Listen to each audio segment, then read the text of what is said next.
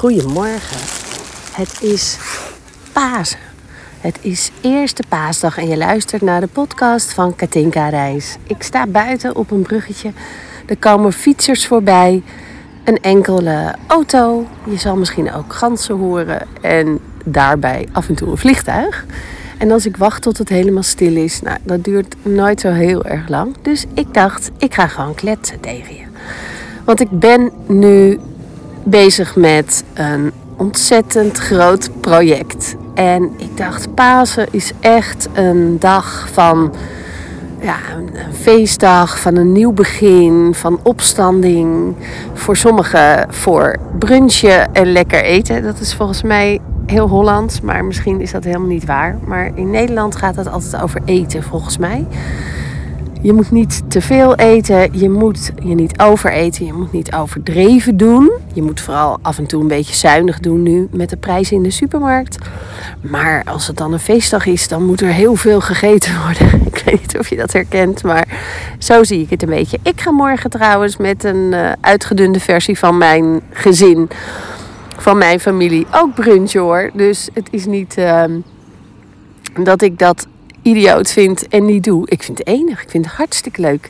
Het is een uh, traditie die mijn moeder bedacht heeft heel veel jaren geleden.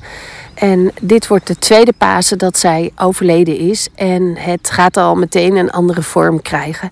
Dus vlak voor uh, dat, dat het geregeld moest worden, zeg maar. Hè, met alle kinderen en met de mensen waar we het uh, gebruikelijk mee vieren.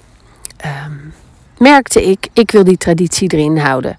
Ook al heeft iedereen andere dingen. Tweede paasdag is de traditie van mijn moeder. Dan brunchen we met elkaar. En dat was een soort van heilig. En op dit moment dus, na haar overlijden niet meer. Dat vind ik wel boeiend. Hoe um, er dingen tussendoor komen. Um, die waren er anders ook geweest als ze nog geleefd had nu hoor. Dat, dat uh, zitten kinderen in het buitenland, eigenlijk drie op dit moment.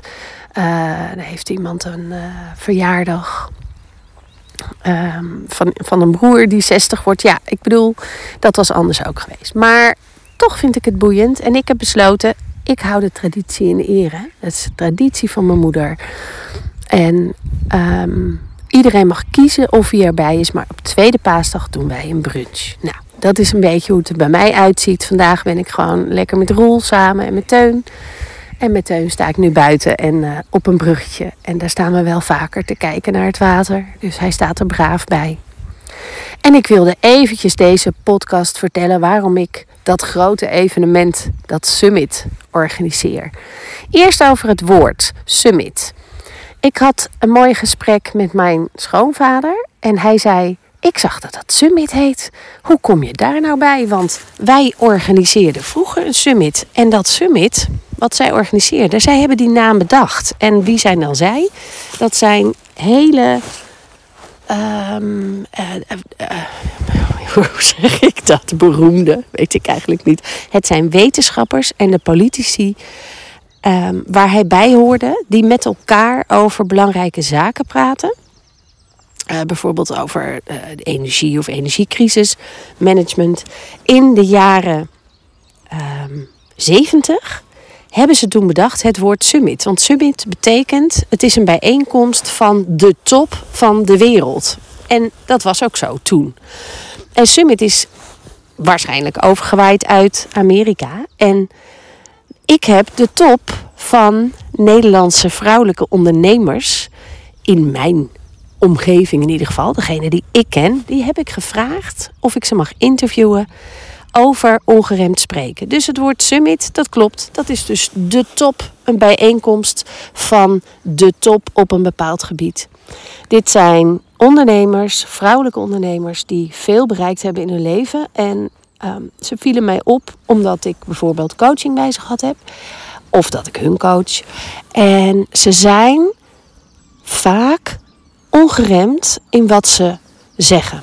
En ongeremd is voor mij een heel belangrijk woord. Ongeremd betekent namelijk, denk ik, dat je het aligned zegt. Aligned bedoel ik mee in één lijn. Ik vind aligned een lekker woord. Het is je hoofd, je stem, je hart, je onderbuik, je intuïtie, je bekkengebied en je voeten zijn in één lijn. Ze zijn allemaal aanwezig in wat je zegt. Waarbij je soms kan kiezen, ik zeg het niet. Waarbij je kan kiezen, hoe zeg ik het? Ik zeg het liefdevol. Waarbij je kan kiezen, zeg ik dit omdat het goed voor mij is of goed voor de ander? En ga ik het dan zeggen ja of nee? Het zijn allemaal keuzes die je hebt. En het mag elke keer zo zijn dat je het niet niet zegt, omdat je het niet durft, omdat er angst onder zit. Als je in je onderbuik angst voelt, als ik dit zeg, wat zal er dan gebeuren? Wordt mijn partner dan boos? Of stoot ik dan mensen af? Of verlies ik dan mensen? als je het dan niet doet, dan ben je denk ik niet ongeremd in je spreken. Dan hou je je in. Ik denk dat je dan niet gelukkig wordt. Wil je een en geluk, wat is geluk hè? Gelukkig is natuurlijk een. Uh, ja, het is een woord, wat moet je ermee? Een geluksmoment duurt vaak een paar seconden, of hooguit een paar minuten, heb ik wel eens uh, gelezen. Dus we streven geluk naar, na, dat, dat is misschien onmogelijk. Maar een ongeremd leven, dat gun ik je wel. Een leven waarin je doet wat je wil, op de manier zoals jij het wil waar jij blij van wordt. Dus niet op de manier wat anderen van jou willen. Of, wat vaker nog gebeurt, de manier waarop jij denkt dat anderen willen dat je je leven leidt. Ik zie dat nog ontzettend vaak gebeuren. En weet je, ik was ook zo. En misschien ben ik op een heleboel punten nog steeds wel zo. We leven allemaal een leven en we doen het zo goed mogelijk en we willen het ook allemaal goed doen. Vaak voor onze ouders, voor de verwachtingen om ons heen. En dat herken ik, want nou, wat ik net zei, mijn moeder is overleden. En pas sinds zij is overleden, voelde ik me bijna compleet vrij. En ik zeg echt bijna, want ook al is ze er niet meer, is ze altijd bij me. Hoor ik altijd nog haar stem of haar mening over dingen. En die was best. Ehm,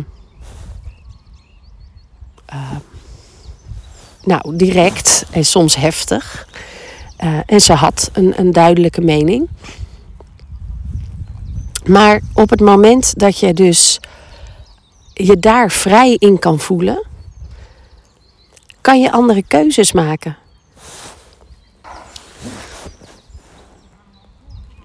En die keuzes, dat, dat betekende voor mij dat ik echt. Oh, er komen nu schreeuwende fietsers uh, langs. Uh, fietsers, wielrenners schreeuwen altijd.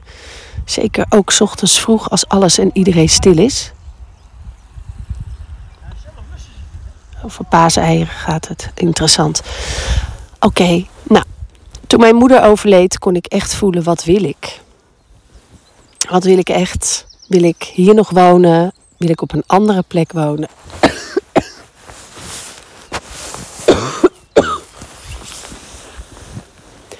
Ik heb een hele vervelende kriebel in mijn keel nu. Maar ik kon voelen wat wil ik. En de keuzes die ik maak, maak ik voor mij. Rekening houdend met de mensen om me heen. Maar vooral voor mij. En ik hoef het niet meer niet te doen omdat het vervelend is voor mijn moeder of voor mijn ouders. En ik denk dat dat heel vaak keuzes zijn die mensen maken. En zeker als je nou, als je in een, uh, een close relatie of een uh, wat beklemmende relatie uh, met je ouders hebt gezeten of zit. En ik denk dat dat heel vaak zo is. Dat ouders en kinderen um, een soort versmelten in wat ik wil, dat wil jij dus ook. Zoiets. En als je het niet vindt, laat het me weten. Hè? Want als dit een discussie wordt, dan vind ik dat helemaal leuk. Voor mij veranderde er heel veel toen ik uitsprak dat ik het anders wilde. Dat ik niet meer de hele dag als logopedist wilde werken. Dat ik met mensen wil werken die ambitieus zijn en heel graag vooruit willen en willen ontdekken hoe ze meer kunnen bereiken in hun leven als ze hun stem en spreken op een andere manier inzetten.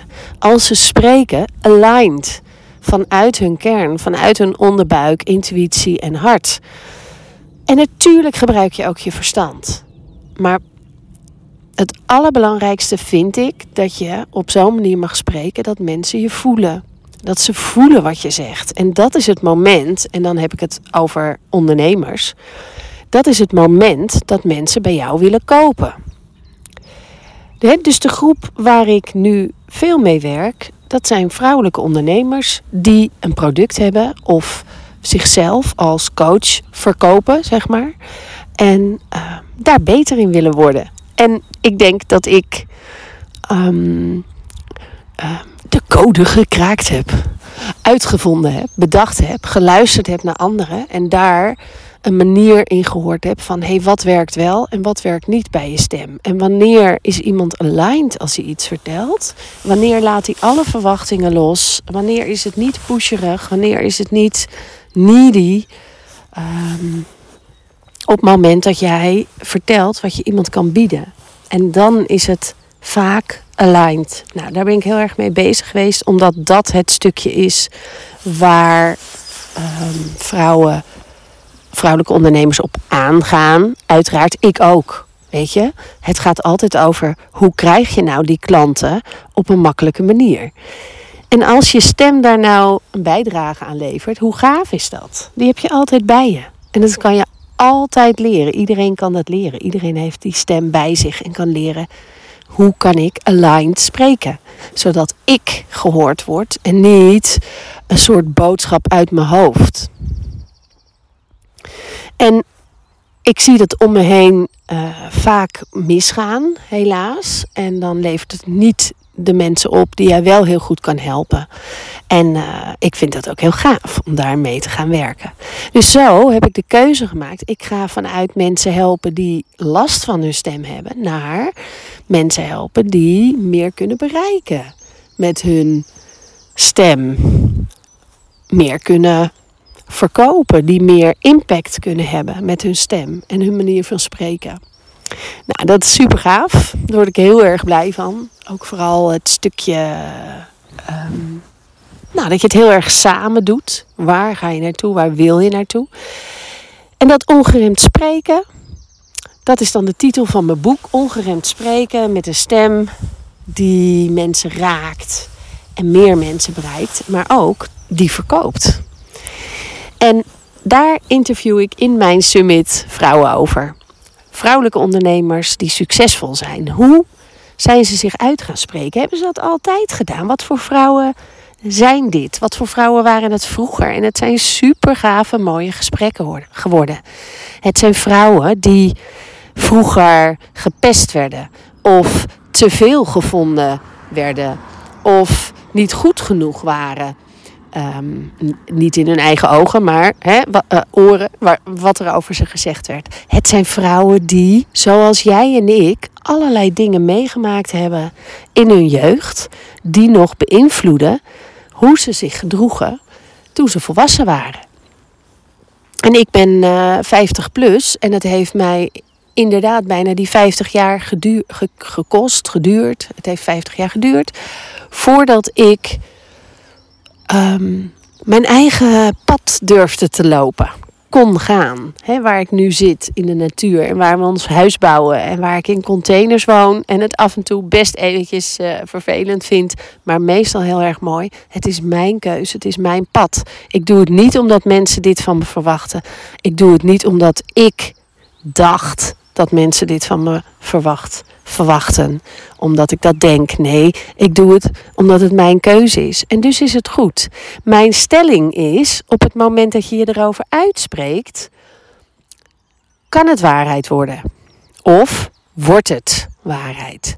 Als je je namelijk niet uitspreekt over wat je wil, dan kan je het altijd weer bij je houden, in je houden, terugtrekken. Hoef je je niet te committen op het moment dat je het uitspreekt, zoals ik nu uitgesproken heb, uh, dat mijn boek in de maak is en dat ik het geschreven heb en uh, het moet nog in een uh, goede vorm. Um, dus dat ik dat ga doen, dat, we daarover, uh, dat het over iets meer dan twee maanden geschreven is en verwerkt kan worden. En dat duurt dan nog drie maanden, langer dan dat ik nu ga schrijven um, om het te drukken. Maar als ik nu niet had gezegd, ik ga dat boek uitbrengen per 1 oktober, dan kon ik het weer uitstellen. dan zou ik weer excuses kunnen bedenken van ja, maar ik weet niet of ik kan schrijven. Wie zit er op mij te wachten? Wordt dat boek wel leuk? Gaan mensen dat wel kopen? Willen ze dat wel hebben? Ben ik wel goed genoeg? Wijzen ze me niet af als ze het niet willen? Voel ik me dan niet afgewezen? Allemaal redenen die we allemaal kennen. Als jij dit luistert, herken je dit. Ik weet het zeker. Want dit is hoe we denken over onszelf en over anderen. Het zit continu in het stuk: ik ben niet goed genoeg, ik word afgewezen. En als we dat eens los zouden kunnen laten. Jij bent goed genoeg, je bent geweldig en je wordt niet afgewezen. Misschien vinden mensen mijn boek niet interessant, maar dat betekent niet dat ze me afwijzen. Dus ik heb het gezegd. Ik dacht, ik ga een bold move maken. Vorig jaar was mijn bold move dat ik mijn praktijk na ruim 30 jaar gesloten heb. En nu is de bold move dat het boek er gaat komen. En dat gaat er dus komen. En op het moment dat je het aligned uitspreekt en voelt, voelt in je billen, in je tenen, in je onderbuik, in je bekkengebied, in je, in je maag, in je hart, in je keel, in je stem, en in je hoofd. Als je daar allemaal voelt, dit boek moet er komen, dit ga ik schrijven, dan gaat het gebeuren. En dat is mijn stelling. En daar ga ik met deze vrouwen over hebben. En misschien ken je ze uit ondernemersland, uit jouw bubbel. Misschien ken je ze niet. Maar het zijn allemaal vrouwen die succesvol zijn. En gaan filosoferen eigenlijk met mij over wat is ongeremd spreken. Doe ik dat? Mag het nog meer? Wat raad ik anderen aan? Wat adviseer ik de luisteraars, de kijkers? Het is net of ik een uh, televisieprogramma eh, gemaakt heb. Super gaaf. Ik heb op dit moment 17 vrouwen live geïnterviewd. Ik ben naar ze toe gegaan, want twee redenen. Ik wilde het anders doen dan anders. Niet weer het volgende summit. En daar kijken we af en toe eens naar. Nee, ik wilde een geweldige energie neerzetten. En daarvoor ben ik naar ze toe gegaan. Dus bijna bij iedereen ben ik thuis geweest of op kantoor waar ik ze geïnterviewd heb. Ik ben ook geïnterviewd door Maartje Blijleven, die ik ook weer interview, dus superleuk. Er zitten prachtige namen in deze groep vrouwen. Ik noem er een aantal en dat is heel gevaarlijk, want het zijn uh, heel veel mooie namen, namelijk 20, plus ikzelf. Dus Veronique Prins, Tineke Zwart, Lou Niestad, Steffi Roos Dumaine, Anne Kwaars, Aranka van der Voorde, Suus van Schaik, Madelon Rijkers, Claudia Verheij, Jolande Kielstra, Laura Langens, ga ik ze bijna allemaal opnoemen, help, Claire Babai, um, Sharida Elsinga, Oei, oei, oei. Nu heb ik ze bijna. V van Megen van de taboekast. Ook zo ontzettend gaaf. Ik sta buiten, heb ik je verteld. Ik heb geen lijstje bij me, maar 20 vrouwen onthouden. Ik kan er altijd 17 onthouden of zo. Dus ik weet zeker dat ik er nu vergeet. Dat vind ik echt verschrikkelijk. Ik had hier niet aan moeten beginnen. Ik had dit niet moeten doen. ik ga nog heel even denken. Wie nog meer? Kim Graven, natuurlijk. Dat was de eerste. Daar ben ik uh, geweest bij haar in België. We hebben een heel mooi gesprek over de uh, overeenkomst tussen geld en je stem. Dat is ook wel een boeiende. Want die zou je misschien niet zo gauw zien zelf. Um, nou, als je het lijstje wil, ga even naar mijn site katinkareis.nl en daar zie je staan Summit plus alle vrouwen die er meedoen. Sorry vrouw als ik jou nu eventjes niet opgenoemd heb. Ik heb er nog drie te gaan. Dat zijn de online interviews met um, nou, een vrouw waarbij het echt onmogelijk was om een gaatje te vinden om daar naartoe te gaan. Dat was ook een endweg voor mij en voor haar was dat niet te doen. En twee zitten in het buitenland. Dat vind ik dan wel weer jammer. In Spanje en ander, uh, ook Spanje, Ibiza. Daar had ik best even graag heen gewild om ze te interviewen. Maar ja, dat kan ook weer allemaal niet. Dus drie zie je er via Zoom het interview. En 17, of eigenlijk met mij erbij 18, zie je de live. Nou, dat is toch echt briljant, geweldig en uniek. En dat wilde ik graag neerzetten. Want dan voel je echt welke vrouwen ik interview en welke gesprekken er ontstaan. Carlijn Quint. Wauw. Daar uh, was ik van de week nadat ik heel erg lang in de file had gestaan. Nou, die zit er ook nog in. Dat uh, is een super mooie groep vrouwen. Ik nodig je van harte uit om te kijken. Je kan gratis kijken van 16 tot 21 april. Er zitten ook nog drie masterclasses van mij in. Om 11 uur, 16 april, op de Werelddag van de Stem geef ik een masterclass. En op 20 en 21 april over de stem. En ja, wanneer heb je nou een voice-over leader? Hoe krijg je die? En um, als je nou denkt, super tof, 21 interviews, hoe ga ik dat kijken? Dat lukt me niet, ik kan niet, ik ben op vakantie, ik, ik kan natuurlijk niet zoveel vrij, vrij nemen daarvoor om te kijken. Dat is helemaal oké, want ik verkoop nu namelijk een VIP-pas in de pre-sale waar mijn boek bij zit. En dat is natuurlijk weer uh, mijn stunt, zeg maar. Voelt voor mij als woe, dit doe ik zomaar. Uh, zomaar met knikkende knieën. Voor 25 euro krijg je mijn boek. Plus een jaar lang alle mogelijkheden om terug te kijken, alle, alle interviews. Dus ja, dat is volgens mij een no-brainer, 25 euro. Dat, uh, ik ging gisteren boodschappen doen. Nou, daar heb je nog niet eens een halve boodschappentas vol voor, voor 25 euro. Um, dus als je daarmee moet vergelijken, ja, dan is dat voor een boek en alle replays natuurlijk helemaal niks. Je kan, uh, als je denkt, ja, nou, ik wil het eerst wel eens even zien, dan kan je natuurlijk gewoon je gratis inschrijven. Later heb je ook nog de optie om de replays en het boek aan te schaffen. Dan is de prijs wat hoger, uiteraard. Want dit is voor de daredevils die zeggen, doe mij dat boek, doe mij de replays, ik ga er meteen voor. En uh, dat zijn er al heel wat, dus het is super gaaf dat ik al zie dat ik een boekenplank vol met boeken verkocht heb. Want zo zou je het kunnen zeggen. hey, ik... Uh, ik ga ook hieronder neerzetten de link om je in te schrijven als me dat lukt. Want ik sta het nu op een andere manier op te nemen dan wat ik normaal doe. Dus um, katinkareis.nl. Daar zie je staan Summit Ongeremd Spreken. Als je mij volgt op social media, kom je het ongetwijfeld de hele tijd tegen. Volg mij ook gewoon op Insta, dat vind ik het allerleukste. Ik ben ook op LinkedIn en Facebook, iets minder op Insta zie je ook hoe mijn huis gebouwd wordt, hoe wij dat doen. En uh, zie je wat meer van mijn leven. Leuk als je me volgt. Leuk als je me laat weten hoe deze podcast je wellicht geïnspireerd heeft. Ik wens je voor nu, als je dit luistert, hele fijne Pasen. En als je dit later luistert, hoop ik dat je hele fijne, mooie, warme paasdagen hebt gehad. Al dan niet met brunch of lekker eten, maar wel, hoop ik, met hele fijne, lieve mensen. Hey, veel liefs en tot de volgende keer.